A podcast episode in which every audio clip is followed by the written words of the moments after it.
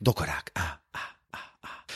Živijo poslušalke in poslušalci, sedma epizoda podcasta Dvokorak je pred nami, je pred vami. Eh, Danes prav posebna epizoda, ki jo bomo tako kot ponavadi začeli s haterskim kotičkom, obenem pa se bomo obregnili ob vas, drage poslušalke in poslušalci.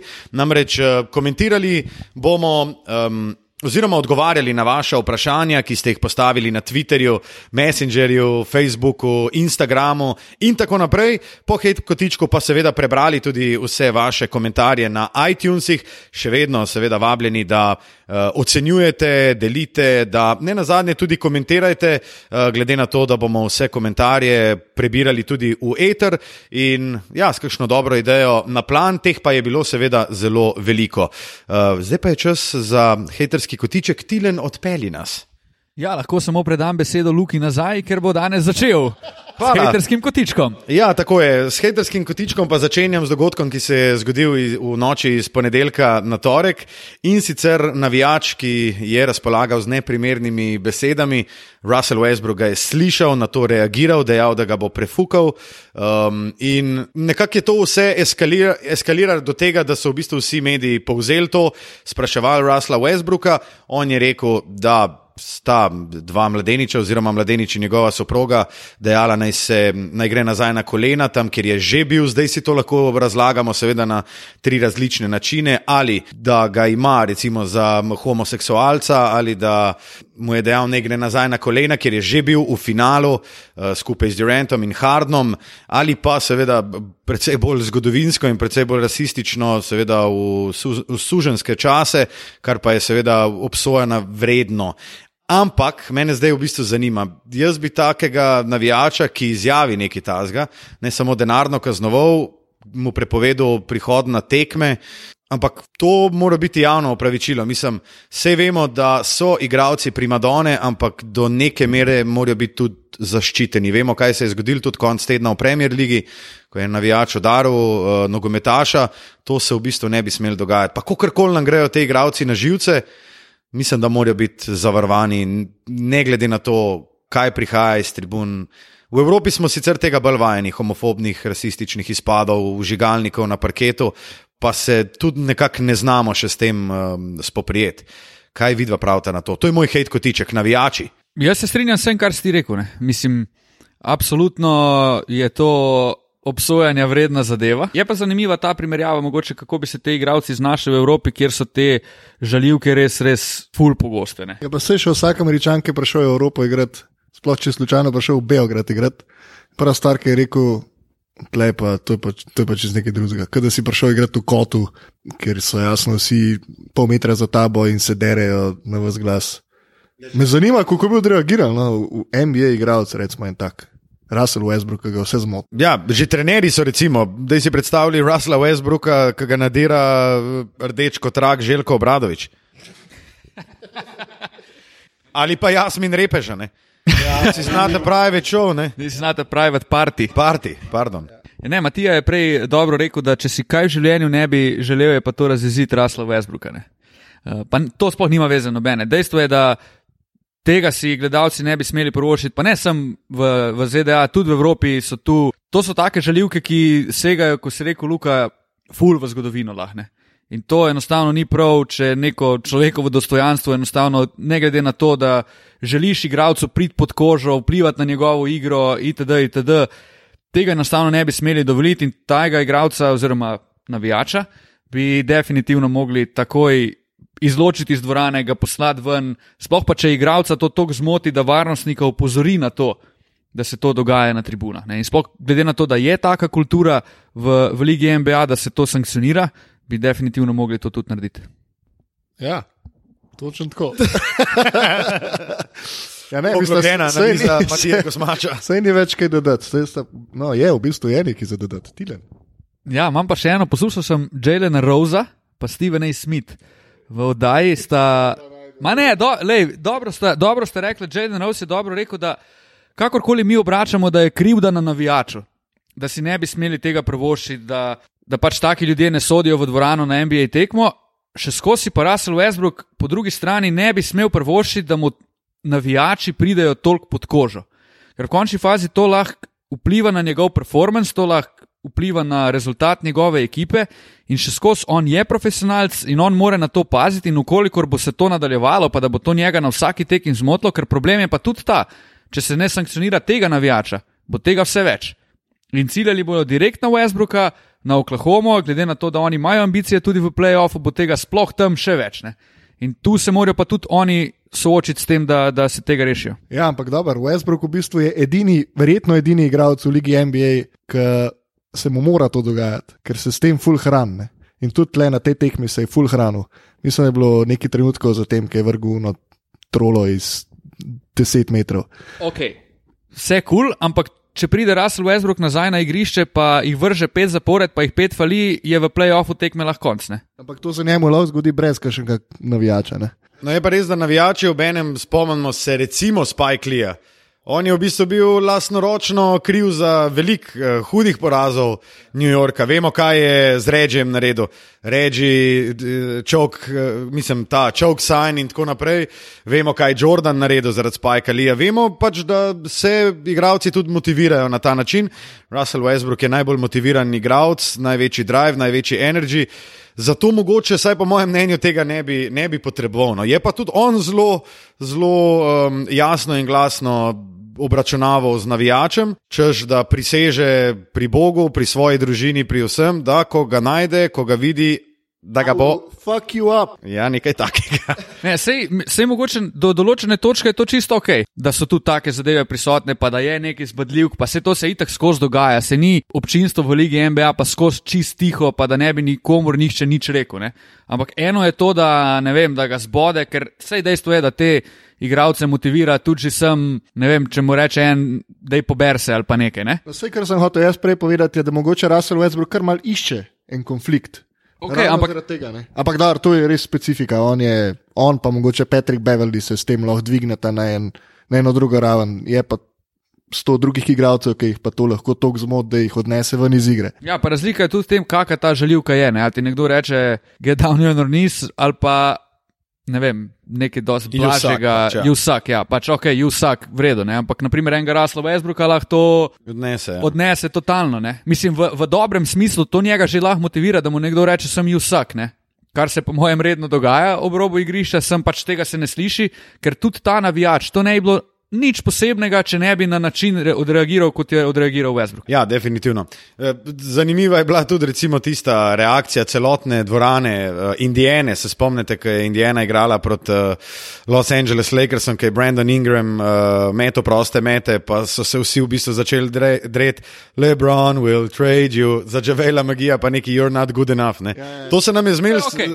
Ampak ja, to se nam zdi smešen, ampak jaz, če bi bil unigralec, meni bi to res prizadelno res bi me malo prizadel. Ja, sej, sicer bi se pa pol. Se jih je. No, ampak sicer bi si pa pol solze brisal z milijoni zelenčkov. Ja, pa, kdo, pa mogoče še kaj drugega. Lakers jih je to prizadel, vse to se zdaj vidi.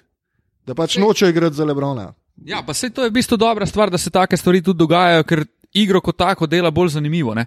In zdaj si bomo, ko, bo na, ko bodo naslednjič Lakersi prišli, ok, najbrž ne gredo več v Indijano igrati, ampak kakorkoli že, ko se naslednjič to zgodi, bomo vsi še bolj pozorni, aha, kaj bo pa zdaj ali pa bi se veselili, če bi bila opcija, ne vem, če bi to delal en zahodno-konferenčni rival, pa da bi bila možnost, da se srečajo v playoffu. Bi bilo to ful zanimivo že sem iz tega vidika, kako bo publika reagirala, ko pridejo Lakersi na igrišče, ko bo Ingram, ko bo Lebron na črti prosti metov itd. Ok, uh, naprej, haterski kotiček. Jaz bi sam še dodal, Brooklyn Neci so verjetno najboljši, ker se navijačev tiče uh, s tem zbadanjem. Ker so imeli za Kajrija, ker so igrali proti Bostonu, Bostonu pa so se drli Kajri z Living. Pa sem imel pa še, uh, ko so igrali pod Lakersom, uh, Thank you Magic za D'Angela Rasla. Uh. Uh, v glavnem, moj hate kotiček je namenjen uh, enemu in edinemu čudežnemu dečku slovenskega naroda, Luki Dončiću, ampak ne, ne, ne njemu, ne njemu. Wow, wow. Opala, tole bo pa. Če se je tole malo narobe razumelo. Hate kotiček je namenjen temu, da je tekma za najboljšega novinca leta bila najprej odločena in je še vedno odločena, ampak nekje ljudje najdejo možnost, da naredijo o tem razpravo, kako je pa Trejang zdaj kar naenkrat eh, kandidat, mogoče za novinca leta in da je končno smo dobili tekmo za novinca leta in da je to vrhunski draft klas, zato je odigral par dobrih tekem. Jaz ne vem, odkje vas ta hype, no pa dobro, fanti. A lahko primerjamo sploh ta dva igralca, no da prosim te. Mislim, Trey Young je res odigral par tekmačin. Ne? Res je dober igralec in bo dober igralec. ne. Jaz se tudi ne strinjam s tem. Luka je, bi mogel biti soglasno uh, Rookie of the Year. Ne? Sam NBA išče to, kar so slovenski mediji iskali tudi na začetku sezone. Ne? Pač Luka, Luka, Luka, NBA pa zdaj za to treja, da je naprej, zato da, je lahko, da se lahko vsaj o nečem pogovarjamo. Zato, ker recimo za šestega igralca vemo, da bo sladki Lou Williams, za recimo Most Improved najbrž Pascal Sijakam, o tem smo sicer že govorili, in mora nekje pač neko zgodbo zgoditi, uh, narediti. Vse smo se že v prejšnjem uh, podkastu pogovarjali. Ful je dolg čas v Ligi NBA, v teh trenutkih, v teh tednih. Ne? In mediji morajo nekaj sproducirati, da so klikani, brani, gledani. Sam meni dejansko en to na basketu vprašal. no. Mislim, ne vem, kako sploh lahko resno razmišljaš o takem članku, ki nekdo ne piše, da je zdaj pa Trejanko grozil naslov novinca leta za Luko. Je pa tudi res, da je Trey Young sam rekel, da race is not over yet. Ne. To pa počge še tudi novinarje in so to pisanje, in američani iščejo te razloge, zakaj narediti neko zgodbo iz nečesa. Pa znano je tudi, da američani niso najbolj pristaši tega, da se individualne nagrade dajo evropejcem oziroma ne američanom. In pol oni bodo izkoristili vsako tako priložnost za to. Je pa tudi res, da je zadnji mesec Young odigral dost podobno kot Luka, če gledamo sem številke. Pa vemo, da si američani pač najbolj, imajo najbolj radi številke. Ne? No, pa mogoče še ena stvar, ki je k temu pomagala, no tukaj jim pa dam prav, in sicer to, da je Dallas začel več kot očitno zgubljati za nalašč, medtem ko Atlanta igra za to, kar ima na rosterju, čist soliden basket. In tle me mogoče še malo bolj zmot to, da se pa Deandre Aitona pa sploh ne omenja, ki ima tudi super sezono, pa je zdaj praktično na enem takem nivoju, kar se igre tiče, Phoenix namreč kot Dallas. Ja, mislim, Phoenix je Golden State premagal. Konc koncev. Ja, um, ne, jaz bi se kar strinjal s tem. Se mi zdi, da, da Deandre Etona tudi malo premalo omenjamo. Sam se mi pa tudi zdi to, da se ni treba nikogar omenjati, če že vemo, kdo Rookie of the Year bo. Ja. Ja. Ker je res, mislim, brez veze o tem sploh debatirati, ker mislim, to je lahko tudi samo svoj hate, ko tiče, kaj pa delajo ameriški mediji s temi zgodbami, pa s temi igravci, pa z vsem, kar imajo oni. In to je grozno. Ma jaz pa mislim, da ne premalo omenjamo Deandreja Aitona. Da ne premalo. Ne. Zakaj ti čim- le? ne, s čim si je pa- Andre Ayton na seznam uh, skupaj z KD-jem. Ne, ne, ne, ne, ne. Nimam, čisto nič nimam proti Deandreju Aitonu, ampak a se je on, razen mogoče ene ali pa dveh tekem, prislužil letos, da bi ga omenjali v bitki za Rookie of the Year ali pa da bi se sploh o njem pogovarjali kot nekemu relevantnemu igralcu v Ligi NBA. Razen z izjemo tega, da je pač Rookie, pa da je bil prvi, pa da so vsi govorili, koliko bo hud. Če se lahko o Treju Jangu pogovarjamo, se lahko tudi o Deandreju Aytonu. Trej Jank je imel tekmo, ki je dal koliko 46. Ja, Pa že sem zaradi tega se lahko trejo Jango, ker je bolj atraktiven. Deandre Ayton ima pa najslabši skor v ligi, pa ne izstopa na nobeni tekmi, razen, ok, mogoče je imel pet tekem, da je izstopil. Je pa dosti bolj konsistenten kot Trejank, recimo že celo sezono. New York ima najslabši skor v ligi, ne Phoenix. Ra!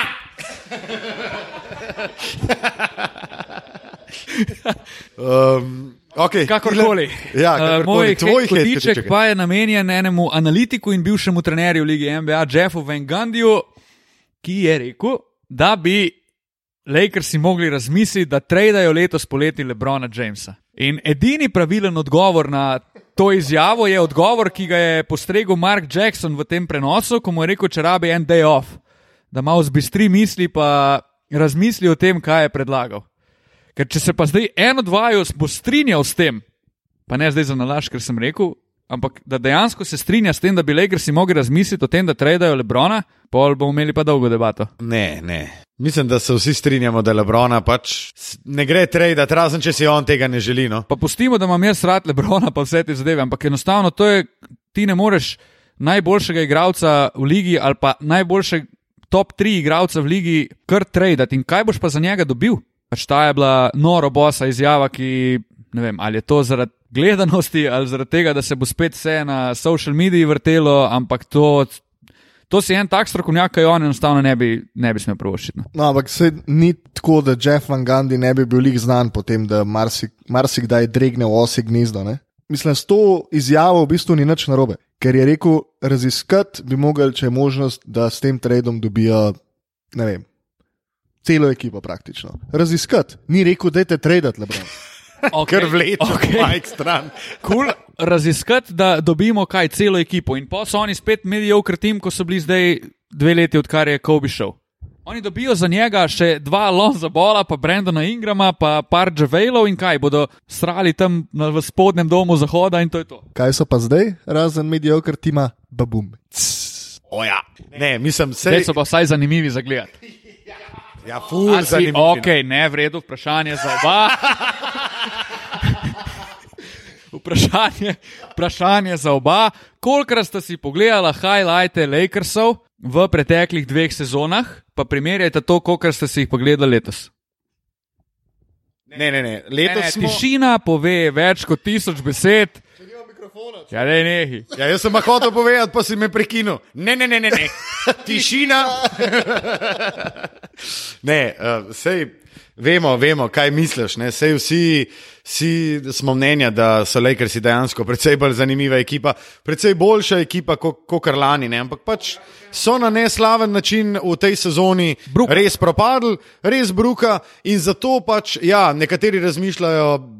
Dajmo Totalna, prodati Lebrona Jamesa. Ampak recimo, če bi bilo možno, glede na salary cap, ne, da ti za Lebrona dobiš KD-ja, pa recimo Donovana Mičla, pa Rudija Goberja, recimo v tri, v tri uh, team tradu, recimo, da gre to čez nekako, če ti daš uh, Caldwell Popa, pa recimo, če daš Lonzo Bola, pa dva first round pika. Se čist karikiram, to je nepreverjeno, ampak stari, jaz bi to vzel. Ne, sej se strinjam, da če bi dobil nek nor deal, pa da bi dobil tri take igralce, ki si jih ti zdaj naštel, itak da ga tradaš. Sem vseeno pa še skozi, če ti moraš vzeti, da bi gradil ekipo, kljub temu, da so letos bruka, pa res so, res so slabi, pa res so se pobrukali, v, po All-Staru so propadli, dobesedno propadli. In je to največje razočaranje letošnjega leta, čeprav si nisem niti predstavljal scenarija, po katerem Lebron ne bi igral playoffa. Ampak, če ti moraš sestaviti zdaj ekipo z enim igralcem, ok- okrog katerega bi gradil, pa da imaš možnost graditi okrog Lebrona, bi ali ne bi. Mislim, jaz ko je Le- Le- Lebrona gradil, to sem že večkrat rekel. Ja, jaz bi tudi tako Lebrona gradil, sam ne zdaj, ne bi pa zdaj. Pri njegovih tokin 30 letih pa ne bi gradil kot Lebrona. Žal. Ja, kaj hočem imeti, hočem biti relevanten 10 let, ne pa 3. Tišina pove dovolj. okay, um, da ne bomo spet pri Lebronu ostali pol ure, pol podcasta, gremo zdaj k vam, drage poslušalke in poslušalci. In sicer bomo prebrali vaša, vaša mnenja in komentarje na. Tilen je užaljen. Ne, niti slučajno užaljen, sem pa malo razočaran nad tvojim mnenjem, to pa moram priznati. Torej, beremo um, mnenja, beremo um, vprašanja gledalcev. Najprej, uh, fanta, kje začnemo? Začnemo pri vprašanjih ali začnemo brati najprej komentarje na iTunesih? Dajmo komentarje. Komentarje, prosim. Prvi komentar, 17. januar, takrat, ko smo um, že kar nekaj časa bili v akciji. Um, naslov komentarja je za True Fane, dan 34 je komentator, napisal pa je končno proper podcast o NBA, trola v Fiko. Hvala, Dan. Veseli me, da si pobral naš vokabularij. Ja, uh, trola v Fiko, za tiste, ki še ne veste, pomeni trojka v faco, trojka v obraz. ja, trojka v obraz, trije klicaji. Uh, naslednji naslov ko, uh, komenta je: To je to, briefs. Dober, na- dober vzdevka, ne? Ja, super, super, res. Uh, briefs je napisal hudo dober in dal uh, pet zvezdic. Bra! Tako Hvala, kot- briefs. A, Ja. a mislim, da je on mogoče brivec, pa ima briefs, vstevek. Ne, mislim, da ta briefs bolj pomeni tako, kao, uh, na hitro. Brief kot povzetek. Ja, ja nekaj tasga. 29. januarja je na iTunes prišel komentar dveh uh, palcev na vzgor. Uh, to je ime um, komentarja Sanzi Sanzi. Ko v Sanzibarju že sonce zahaja, pri nas je še noč. Oh, uh, uh. Sanzi Sanzi je napisal top zadeva, tale dvokorak, pa emoji za faja. Hvala. Uh, fantastično, tudi uh, Sanzi Sanzi nam je dal um, pet zvezdic. Pet zvezdic, naslednji um, ime komentarja Top Zadeva, ta pa ima uh, zanimiv uh, ime Stay in Hell. Uh, upam, da to. Um, Ne leti na nas. Ne leti na nas. Ja. Uh, je pa uh, napisal in taj kar dolg komentar. Odličen podcast za vse slovenske spremljevalce lige NBA. Edina želja, ki jo imam, je, da bi objavljali nove podcaste bolj redno in da bi, v klepaju, sploh v zadnjem času, trade deadline manije, mi tako omogočili vaše komentarje na dogajanje v ligi lahko spremljati vsaj enkrat tedensko. To se bomo potrudili, ne da bo bolj reden, ampak da bomo v izrednih situacijah posneli kakšnega več. Ja, bomo pa tudi, uh, ko bo na vrsti končnica, uh, Tako. precej bolj redno objavljali. Tako, ampak v bistvu moramo reči, da redno objavljamo. Ne? Vsake 14 dni smo z novo epizodo, tudi mogoče smo sami sebe malo presenetili s to vesnostjo, ampak nam gre zaenkrat kar dober. Uh, ko pa bo končnica na vrsti, pa mislim, da bi se spodobilo vsak teden, kako močno reči. Ja, definitivno, ker nas tudi ta podcast veseli. Tilen, ki je danes prišel na Koroško ulico, je sijal, žarev je od veselja in mi dva z Matijo sva ga vprašala, kaj pa je. Ja, Matija mi je kar tako rekel, lega, koliko je srečen. Ja, in mislim, da si vsi eh, to delimo, radi se pogovarjamo v NBA-ju, radi se družimo, radi pogledamo v kozarček, če je treba. Uh, Ja, hvala, Stay in Hell, tudi za pet zvezdic. Naslednji, um, pred, pred, pred zadnji, je naslov komentarja, je pa ta, ki je meni najbolj všeč in kot da si s kolegi na pivu. To je meni zelo, zelo všeč, zato ker se trudimo, da je sproščeno in da Dejansko smo s kolegi na pivu. Ne? mi ponavadi pijemo pivo, no, podcast. Bi pa rad omenil, mogoče za vse, ki nas poslušate, pa si ne predstavljate točno, kaj se v sobi, ko snemamo, to dogaja. Ne? Uh, Matija Kosmač ima naprimer, na laptopu zdaj odprto izbor Matjaža Keka. Uh, tako. Ne? Sposoben fant, nimam kaj reči. Okay, uh, Spet zdaj sem komi ugotovil, da je ta Makedonija, kaj je to Severna Makedonija, kaj je to? Severna Makedonija. A to so, Andrija. a ja, zdaj ni več former republik, ampak je Severna Makedonija. Ja, in kar naenkrat je In kaj pa Južna eh, ratov, Grčija, kaj pa? eh, Zunanje politični podcast. To je Južna Grčija. Naslednji gost pa. Boštjan Videmšek.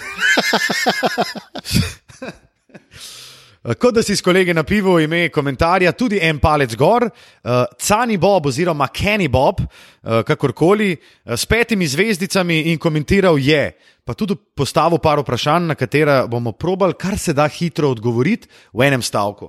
In sicer, bravo, fanti, kul cool podcast, je manjkalo nekaj takšnega v slovenščini, so take debate, kot da si na pivu s kolegi, bi se kar oglasil, vmes, če bi se lahko. Mogoče bomo pa tudi daj v živo naredili. Ne? Ampak to je pa mislim, da za kakšno stoto ali pa 50 epizodo, to se pravi čez ene dve let. To je še jubilej. Tako, za kakšno jubilejno, mogoče že deseto. Se ne rabimo čakati. Ne? Ten escalated 150, mogoče pa že do 10. Um, nekaj predlogov za teme, ampak eh, kot sem dejal, kdo bo MVP čez pet let, je njegovo prvo vprašanje. Obama ta pet sekund za odgovor. Matija Kosmač, Luka Dončić. Donovan Mitchell. Donovan Mitchell. To je bil pa zvok high five. Luka in Tilen sta vesela, ker se strinjata. Favorit, najboljša peterka vseh časov. Matija, ko imaš 10 sekund, imaš. Težko je. Michael, Ok, bom jaz. John Stockton, Michael Jordan, uh, Scottie Pippen, uh, Hakim Olajuwon, pa Tim Duncan. Ja, jaz se skoraj strinjam. Stefa Curryja dam not na mest Stocktona, Lebrona Jamesa na mest Pipna. Pa noben ne bo, pa noben ne bo Magika dal na pleja. Ali bo, Tilen. Magic, gladko enka. Dobro, pokurjenih 10 sekund. Uh, po pa bi rekel tudi Michael Jordan, LeBron James, Hakim, pa še. Uh, zanimivo. Trenutna najboljša zasedba sveta proti trenutno najboljši zasedbi ZDA, kdo zmaga? Zdaj, da. ZDA. ZDA, trojni ZDA, to pa je tudi to, hvala Cani Bob, Kenny Bob. Uh, zdaj pa še um, trije komentarji. Ba, ba, ba, ba, ba. Ja, to je pa sponzor naslednjega komentarja, ki nosi naslov: To smo potrebovali. Robert Spoljar, oziroma Špoljar, pet zvezdic, hvala Robi, oziroma Robert, eh, pardon. To je to, kar je manjkalo slovenski podcast, ceni in aparatusu, en hud podcast o MBA, samo dalje ekipa. Hvala lepa. Jako. Hvala lepa. Obamo, obamo. Bamos, Robi, Robert, Špoljar, Spoljar. Še en komentar napiš, pa povej, je šumnik ali ni, no, da bomo naslednjič vedeli. Uh, naslednji, naslednji komentar je trikrat roke skupaj v znak molitve. To je naslov komentarja. Klalert pa je, je uh, komentator, just keep it going. Polepša mi dan enkrat tedensko, ko se peljem v službo. Ta je pa pozno začel poslušati podcast, ne če ga lahko vsak teden. ja, ja, ampak ja, kla, Klalert uh, malce pozno prišel uh, na tole zabavo, bom rekel. Uh, Znamo biti tudi kritični. ja, znamo biti tudi kritični. Ampak Ne. hvala, hvala za komentar in uh, vse pozitivne ocene. Ja, čak sam alert, ne, mogoče pa to KL alert, ne. Klalert, ampak ok. Klalert, KL alert, hvala za komentar, hvala za pet zvezdic, to je bilo 4. marca. Zadnji komentar pa smo dobili v sredo, prejšnjo sredo in sicer. Uh, naslov komentarja: Najboljši uh, komentator Stops 8, Stops 8, najboljši podcast v mreži Apparatus. Bra! In your face, Tomke.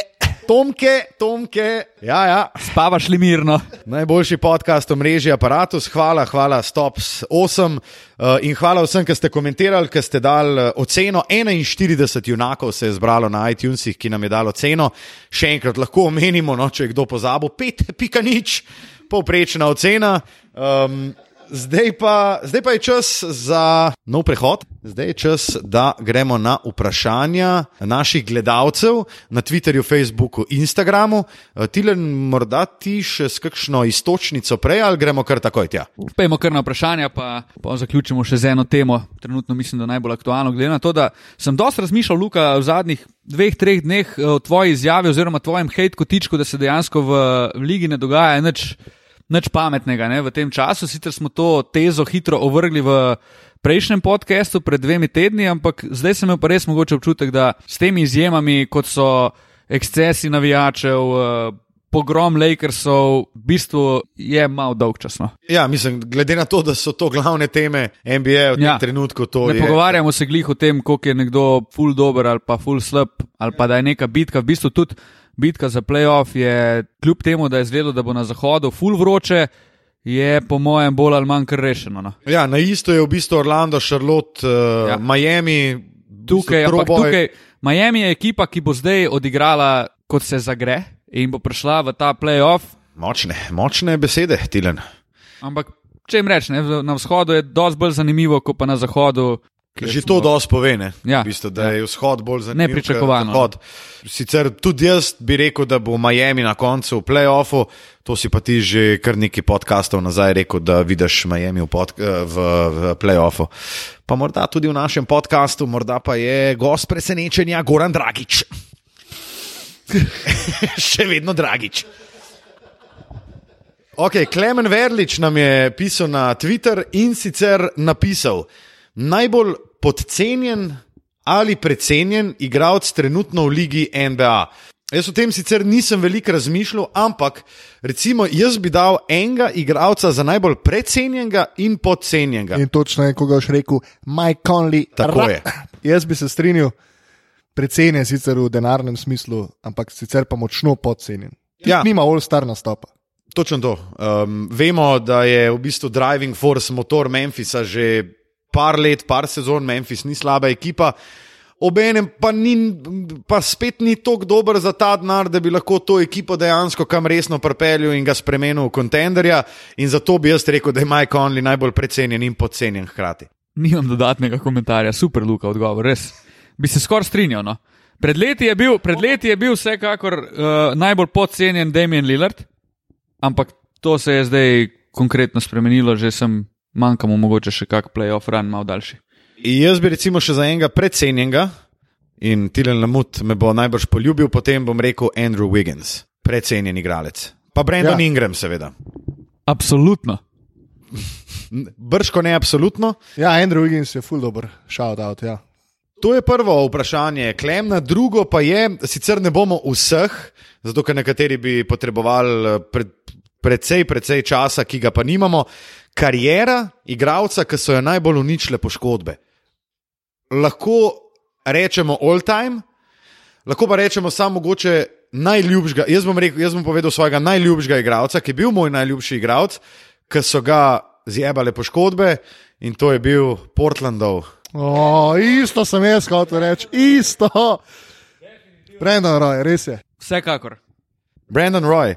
Recimo, ja. Lahko rečemo. On je, da bil, so- on je bil res hud. Ja, sam brez kolen. Ja, brez kolen, ampak Čak, sam, kaj se je zdaj njim zgodilo? On je bil najboljši high school trener v državi. In Ja, potem ga je nekdo ustrelil, in od takrat naprej se nič ne govori več o njemu. Jaz, Ne, Brandon preživel Roy je, valjda. ne? Bojda na koncu igral tako brez meniskusov. No, tako. Ja, ja, to sem tudi jaz slišal. tako grozen. In da tudi pol, ki se je vrnil enkrat k Minnesoti, ne, je zdržal kot pol sezone, ne, pa je pol spet mogel iti ven. Ne.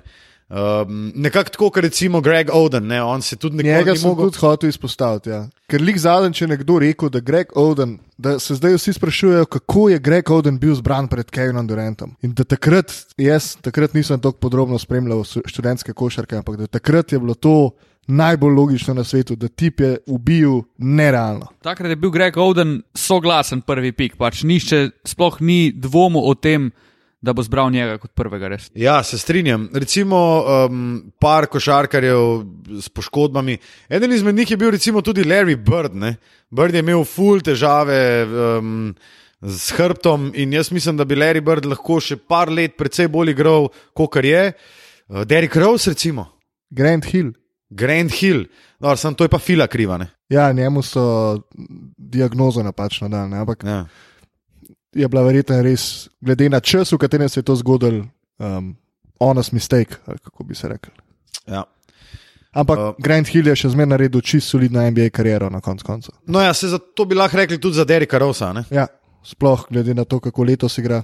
Najbolj disfunkcionalna franšiza lige, in Matija, jaz lahko odgovorim že zate, zaradi trenerja in lasnika, to bo moštvo Chicago Bulls. A res, Matija? Najbolj disfunkcionalna za me je definitivno New York Knicks. Ja, jaz bi rekel, ne v tem trenutku. Ne v tem trenutku, ampak v zadnjih desetih letih, pa verjetno New York Knicksi. Skupaj um, v zadnjem času s Chicagom, pa Washingtonom. Jaz bi rekel, ja, New York, Chicago, Washington, top 3. Uh, najbolj disfunkcionalnih ekip. Ok, to je bilo to strani Klemna, kot smo rekli, žal na vsa vprašanja ne bomo odgovorili, tudi malo se nam že mudi. Rok Fa. 93 je naslednji, uh, na Instagramu je postavil um, kar zanimivo vprašanje, predvsem zanimivo se mi zdi, zato ker me zanima, kakšno je vajn, vajno mnenje. In če bi zdaj le mogla sestaviti najboljšo peterko iz uh, evropskih igralcev, kako bi izgledala? A kaj igrajo v NBA-ju? Ja. Ali pa gremo vsi trije skup, koga bi dal na point guarda? Lah, za začetek bi rad rekel, da smo pred kratkim ob gostovanju v Zagrebu na Hubster kvizu smo imeli eno zanimivo debato, pa smo skupaj vsi trije sestavljali peterko, pa je prišlo do krega. Ja, no, ampak, ampak poskusimo, vseh časov. poskusimo še enkrat. Ne, trenutno, um, point guard, PG. Nikola Jokič. Ja, ja, ja, vse bi se strinjal. Za Lukovo srce. Ne, ok, ampak realno. Uh, na pleja Luka Dončiča, na centra Nikola Jokiča, to je dosta očitno. A se vsi strinjamo s tem, Tilen? Ja, bi se strinjal. Ja. Ok, centra imamo, PG imamo, jaz bi se tudi s tem strinjal. Koga bi dal na shooting guarda, na visokega branilca? Od evropskih košarkarjev. To pomeni, da lahko damo tudi koga, ki je v Euroligi. Nima veze. Ne samo tiste, ki so, ki so recimo v Ligi NBA. Čeprav so tam pač najboljši uh, evropski košarkari. Ne? Jaz imam že težave, ne? Zakaj? Med kom izbiraš? ker ne vem, koga bi na. Koga bi pa ti dal na dvojko, Luka? Jaz bi na dvojko dal, zato ker bomo rabili enega, ki dobro šutera. Pa je zihar zelo Uh, ne, ne privlačen izbor, ampak jaz bi dal Evana Furnija. uh, trojka, babo, Uh, babo Bojan, Bereta. Beretica. Ja, ja. Bojan Bogdanovič, a damo Uh, ne, v bistvu, jaz bi dal Bogdana Bogdanoviča na dvojko. na dvojko. Ja. No, Okay, okay, Bojana ja. Bogdanoviča na trojko. Šterka, Kristi. Skoraj skor, sem na tem, da rečem Darijo Šarič, ampak kva imamo to hrvaško reprezentanco. Ja, dobro, ja, tri imamo, ja, dobro, tri imamo. imamo iz Hrvaške. No, povej. A ja, ufa. Ne, dva Srba, dva Hrvata. Ja, no. pardon. Ja, v bistvu, kakšni Balkanci smo mi, ne, stari. Ja, sem, če smo dobri. Valjda, jole, bole, boga, stari, pa gremo, pa živijo, stari. Ja, sam Dobro. mislim. Ne, sej, sej, realno. Mislim, jaz bi dal. Au, ne, ne, ne, na pa štirko bi Janis? dal Janisa. ne, Ja, valjda. Janis, valjda. Kaj mi delamo? Na štirko bi ga dal, ja. Ali pa trojko. Sam pa more babo bereta iti. zapušča družbino. Sam jaz ga ne bi dal. Ne. Ne, jaz bi dal na Družbi- Šariča, bi dal Janisa, valjda. Babo Bereta, trojkica, Bogdan, Janis. dvojkica. Jani štirka, ja. Ja. To je to. Torej, Luka Dončić, Bogdan Bogdanovič, Bojan Bogdanovič, Janis Antetokounmpo, pa Nikola Jokič. Upam, da ste, gospod Rok, zadovoljni z našim odgovorom. Gogija smo full scancel, ne? Ja, dobro, sam na pleju v tem trenutku imaš raje Gogija ali imaš raje. Mislim, sej, če se pogovarjamo v tem trenutku, je pač po mojem to najboljša peterka. Ne? Pa Ne, hkrati full mlada. Zihar smo Ker če bi govorili all time, bi itak novickega dali na štirko. Ne? Mislim, med, če bi zbirali med igravci, ki so še skozi aktivni, pa da ne govorimo o trenutni Ja, sposobnosti igranja. Ne? Eno hitro vprašanje in um, samo z enim imenom in priimkom mi odgovorita. Košarkar, ki ima najslabši tatu, J.R. Smith, kjer ga? New York, na Gautancu, Lušten. Lušen, ja. Willy Colistein. Ja, kako mi ga je vzel, stari, pa se ne morem verjeti.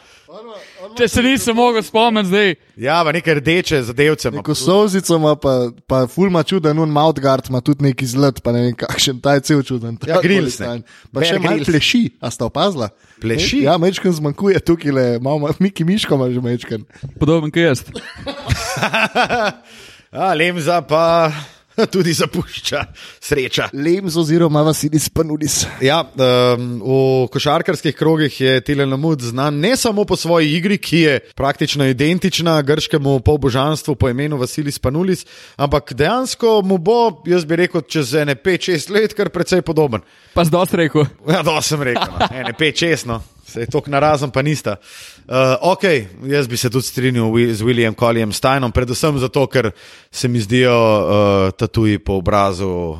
Uh, One step too far. Ja, res, groza, groza, groza. Ja, hvala, Rok, eh, za vsa vprašanja. Upam, da smo, eh, oziroma zagotovo smo na večino odgovorili in upam, da si zadovoljen z odgovori.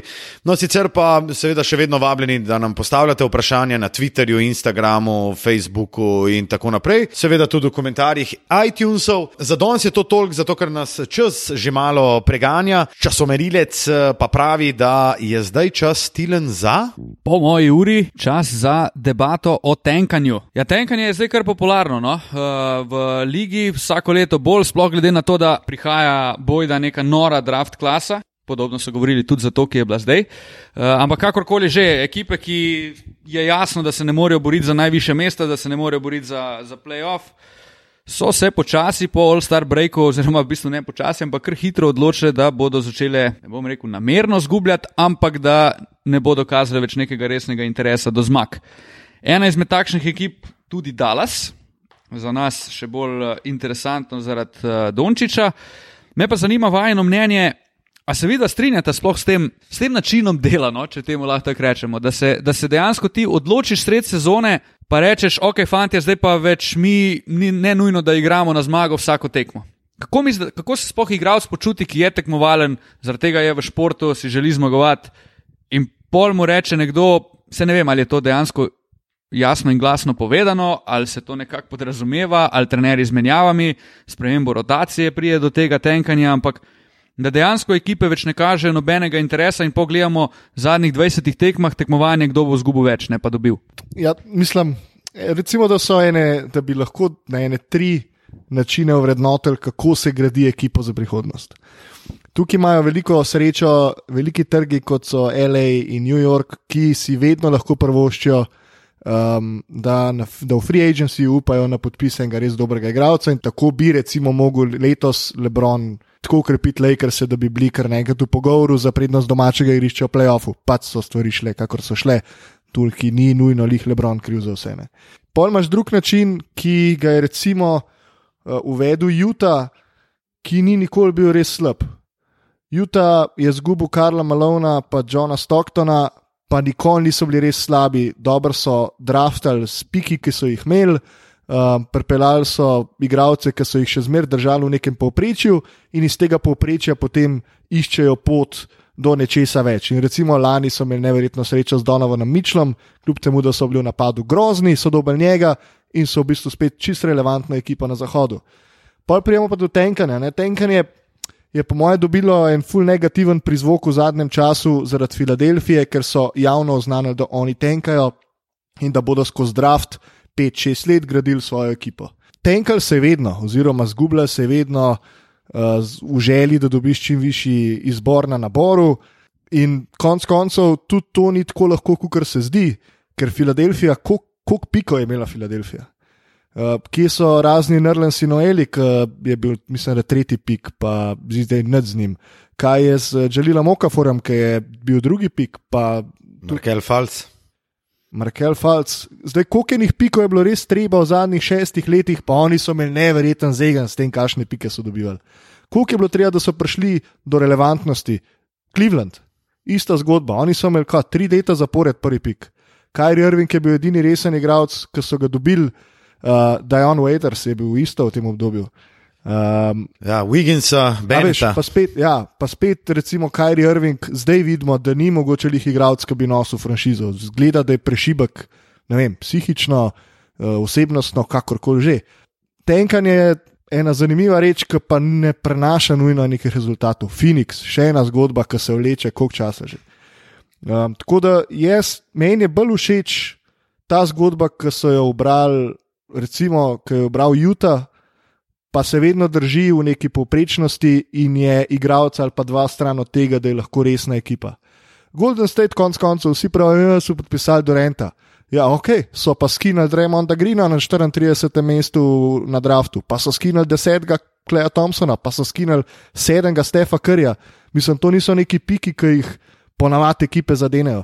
Da imaš tri leta take tri pike, ki sem jih zdaj omenil, ne vem, lahko končaš kot en, kaj se, kot ena Minnesota, recimo tam le na, na robu uh, konference. To so v bistvu piki, ki te držijo v unem povprečju, o katerem si govoril. Ja. Ti, ti zbereš nekoga, ne? če, nekak, če, če solidno zbereš, si v nekem povprečju, ampak nisi pa overachiever, kot je zdaj, naprimer, Golden State. Ne? No, ampak meni se kar se tenka ne tiče. Ne? Že v prejšnjem podkastu smo se pogovarjali da, da, o tem, če še je to fair do navijačev ali ne. ne? Jaz sem takrat bil mogoče bolj na strani tega, da to ni fair do navijačev, recimo, da ti plačaš vstopnico, hočeš videti Lebrone, Jamese, Dwayne Wade, Krise Boše in tako naprej, Danka na Ginobilija in Parkerja in tako naprej in tega ne vidiš. Ne? Ampak zdaj, če si ti res neki, nek hud navijač, ne? malo sem spremenil mnenje, ne? bi ti raj videl, da si ti na tekmi, pa da gledaš grmoje od igralcev tam, pa da tvoja ekipa zgubi tekmo. Če to pomeni, da je bil LeBron James, da je bil Tim Duncan, da je bil, ne vem, Dwayne Wade, dosti počit v končnici, da je šel James Igodalo blokirati v sedmi tekmi, um, da je imel v zadnji četrtini tok, uh, tok energije. Jaz mislim, da je pač to sam zelo dobra taktična, taktična, um, taktični prijem. Se mi pa zdi, glede tega, meni se zdi, da te trenerji tako dobro vejo, koliko je zmožna njihova ekipa da oni točno vejo, po mojem, koliko more, recimo, Dallas, koliko more Donka igrati, da so oni blizu, pa kdaj ga morajo vzeti ven, da jo lih tok zafukali, da jo na koncu, da bo jedva, da jo izgubili, ali pa da jo imeli med za zmago, če ga zadene, hvala Bogu, zgodba je, v Dallasu se govori, drugač pa ne, se vem, da je to zelo ta, tako uh, farfetched, ampak. Se mi pa ne zdi tako nelogično, da bi trenerji dejansko vedeli, koliko odmeriti minutaže nekmu igralcu, da veš, da je tvoja ekipa na dolgi rok kar tukaj pomeni 48 minut ne nevarna. Ne? Ja, se tukaj se pa ločijo, prej bilo dobro vprašanje o disfunkcionalni franšizi. Tle se pa loči franšiza, ki dobro deluje, od disfunkcionalne franšize. Filadelfija je bila do Kolendžela odlično peljana franšiza, oziroma še predtem so, ja, v Kolendželu je prišel na mestu Hinkija. Uh, odlično peljana franšiza in ni bilo to zdaj, da je trener ali pa GM na lasno pese odločil, zdaj morate pa vi izgubiti. Ampak je bila to taktika, za katero so se zmenili. Če se pa zdaj pogovarjamo o New Yorku, je pa prvih 20 tekem hype, pa letos gremo v playoff, pa letos bomo končno relevantni, pa polni nič. Uh, isto Washington, ekipo imamo za vrh vzhoda, pa polna polovica sezone ugotovijo, da ti igralci praktično sploh ne morejo igrati skupaj. Naslovno bi se pa sam še tok nadala. No, vse ta dala so zgodba, vse to smo že omenjali, je pa malo drugačna, vse, ker se rešujejo iz neke situacije, v katero so zabredali, ravno s tem, da so Luko Dončiča vzeli na prejšnjem draftu in zato uh, dal zaščiten pik Atlanti, in zdaj ta zaščiten pik rešujejo in so praktično na robu tega, da jim to uspe, če jim bodo kroglice namenjene, uh, bodo prišli v top 5 in bodo recimo dobili še eno uh, opeko za to, da zgradijo eno res dobro franšizo. Ampak tudi uh, Harrison Barnes trade je bil narejen zato, da se bo Dallasu sprostili dovolj denarja za, seveda, s pametnim poslovanjem, dovolj denarja za maxi gravca. Ne? Zdaj, če pa oni izbirajo med prvih pet, pa tega denarja brščas ne bojo imeli. Ne? Oni morajo biti zelo, zelo, zelo previdni. Tukaj govorimo o 100 tisočih dolarjih, da bodo oni imeli dejansko dosti prostora za maxi gravca, ampak nisem prepričan, to je v bistvu bolj samo ugibanje. Um, pa v bistvu nekaj, kar sem bral, da če oni izbirajo med prvih pet, morajo to plačati ruki pogodbo, da si ne morejo maxi igralca. Zdaj pa, imaš ti raj, top pet rukija, ki je nedokazan v močnem draft klasu, ali imaš ti raj maxi igralca, bi pa jaz rekel, da meni je, meni je vse za un top pet pik, če jaz lahko dobim maxi igralca polet. Je pa tudi res, da mogoče je to tudi privlačna, privlačen trade chip. Ne? Da ti na Draft Night tradaš ta pik, ki je visok za nekoga, ne vrhunskega, ampak za enega solidnega igralca, za katerega veš, da bo v tvoj sistem igre, ki ga želiš gojiti, dobro vklopil se noter in je to, jaz bi to naredil. No? Jaz se tle, če se malo vrnem na tvoje vprašanje, se v bistvu deloma strinjam. Fajn je imeti opcijo. Ne? Zdaj, oni lahko zgubijo draft pick in nimajo te opcije, da se sploh karkoli zgodi. Ne? Ker draft klas je, kot si rekel, deluje dost močen. Že samo Duke imaš tri igralce, ki so lahko cornerstone ene franšize, uh, pole pa tle še ta Jamorant, ki je skočil iz Nikodar med najboljše igralce v državi. Ampak ja, imaš opcijo. Ne? Ali ti vzameš enega igralca, pa dobiš še nekaj solidnega v free agencyju, ker tudi o tem smo dosti govorili v free agencyju, pa letos bo težko dobiti max igralca. No? V smislu igralca, ki je vreden max pogodbe. Ja, mislim. Zdaj, brali smo Vučeviča, brali smo Kemba Walkerja, pa se vsi soglasno strinjamo, da so to slabe poteze, ker ti igravci jemljajo žogo v svoje roke in jo s tem vzamejo luki, naše mokre sanje pa vemo, kaj so. Ne? Klejček. Clay Thompson, oziroma Pormans Clay Thompson, vsaj Chris Middleton bi bilo že noro. Ne? Ja, že Chris Middleton bi bilo v bistvu čist dober. Um, bi videl kaznovala tenkanje ali ne? Ne. Ne. Zakaj ne? tako kot si rekel, franšize, ki si ne morejo drugače prvoščiti, da, da gradijo ekipo, pač je fajn, da imajo to opcijo. Ne. Zakaj pa Liga MBA to počne? Mogoče zato, ker, kot sem rekel, tenkanje ni bilo nič slabega, dokler se ni o tem začel na glas govoriti. Čeprav so vsi vedeli, da se tenka na polne bombe. Polne Točno bombe. to, nimamo drugega narediti, kot razgubiti, zato da dobimo visok pik. Ampak zdaj od Filadelfije naprej pa vsi jasno in glasno. Ne. Predvsem je moja težava to, da to dela full ekip. Da imaš ti, včasih hokej je bil nekdo gladko najslabši, pa je res vrgel sezono stran. Ne? Zdaj imaš pa ti ekipe, ki so mogoče, le Dallas nedolgo tega je bil, ne da je bil realno v boju za playoff, ampak ni bil tako daleč. Ne, je bil, ne vem, pet tekem stran. Ne?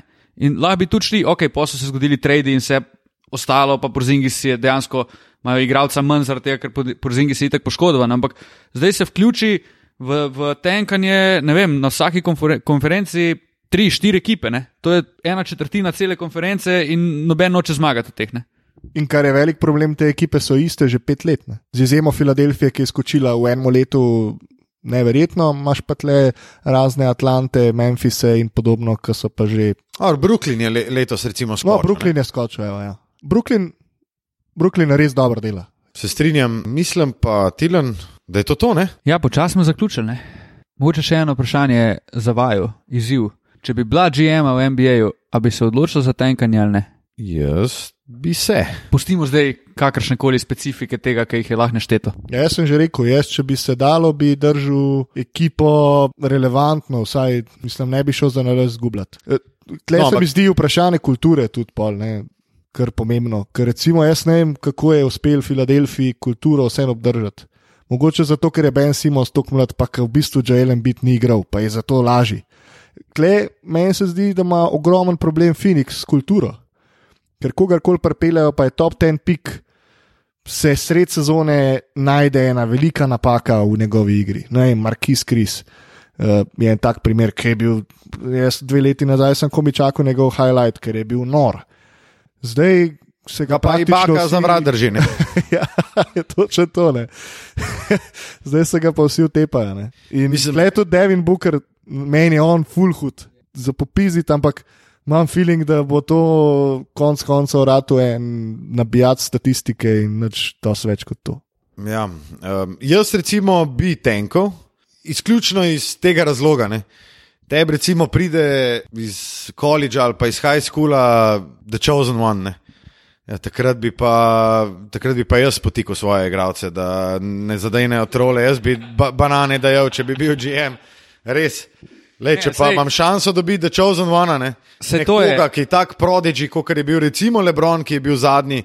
Ja, res, takrat pa tenkam. No. Vse to je problem, ker so ekipe, ki nimajo dejansko sploh druge izbire.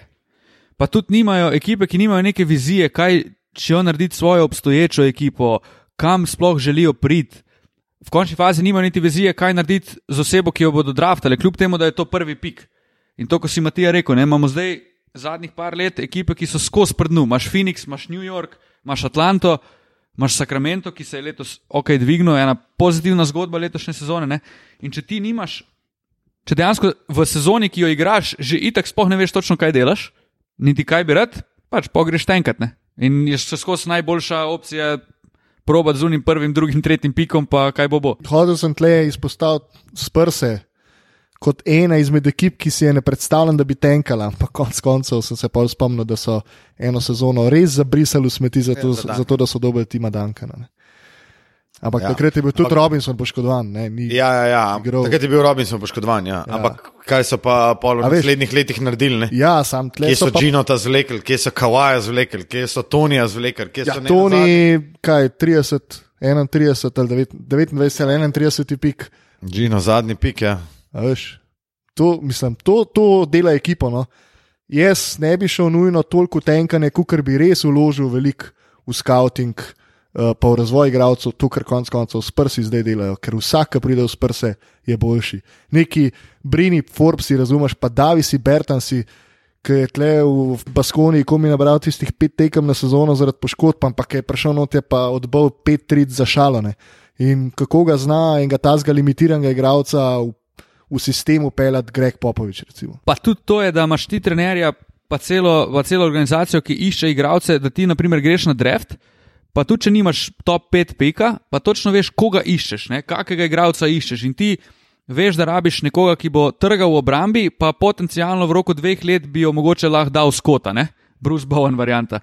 In zdaj, če ti imaš tajega igralca, ki mogoče kotira na teh draft stavnicah, pa na povedih, ti imaš, ne vem, 18 pik, pa on kotira pred 30 piku, pa ga ti vzameš kot 17, pa vsi gledajo, what the fuck se greš, ne? Ampak po drugi strani pa ti v dveh letih je to igralec, ki ga pol San Antonijo, če ne drugo, le Jonathan Simons, so ga prevlekli iz, uh, iz D-liga, pa so ga pol tradali, oziroma imaš, če ne drugo, ustvariš en čip, s katerim lahko dobiš nekaj več polne.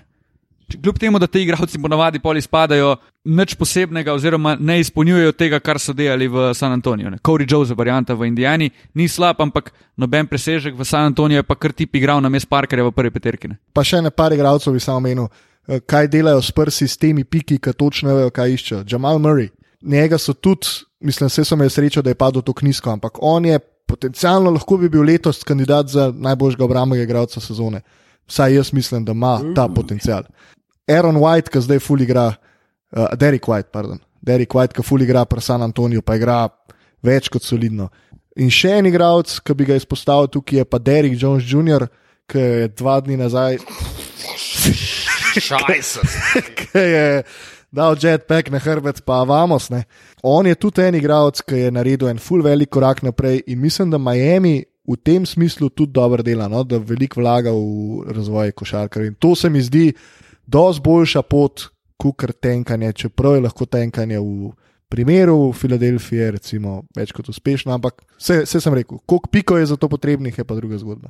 No, dej, če si ti šel avto Derika, ne, bom pa jaz šel avto sladkega Luja. Lou Williams je postal najboljši šesti igralec v zgodovini, kar se tiče točk, 11.150 jih je dosegel. Do tega trenutka in prehitil Dela Krvija, meni pa sladki lu, velik, velik šef.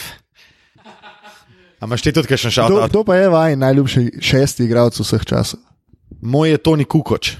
Nimam same ideje, ampak tu sem kar strinjal s Kukočem. Manu. Au, V bodu. A šit, stari. Čeprav je, Jaz čeprav je- spremenim na mano, ja. Imaš Prav prav. je, je dobra debata, kdo je boljši šesti manu ali kukoč. Ker realno kukoč je bil tata mata.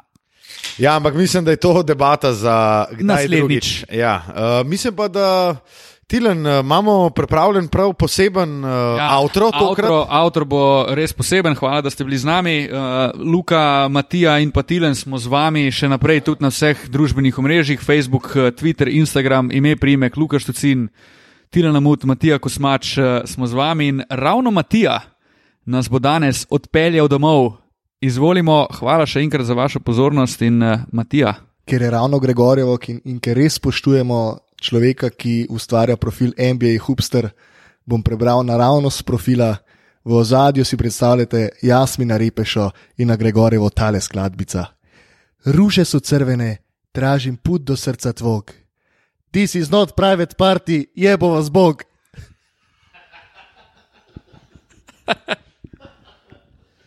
Zdaj klamiram, majster. This is not private party, jebo vas Bog. Pa to je ne, ripa, stari. Take shots from nine meters.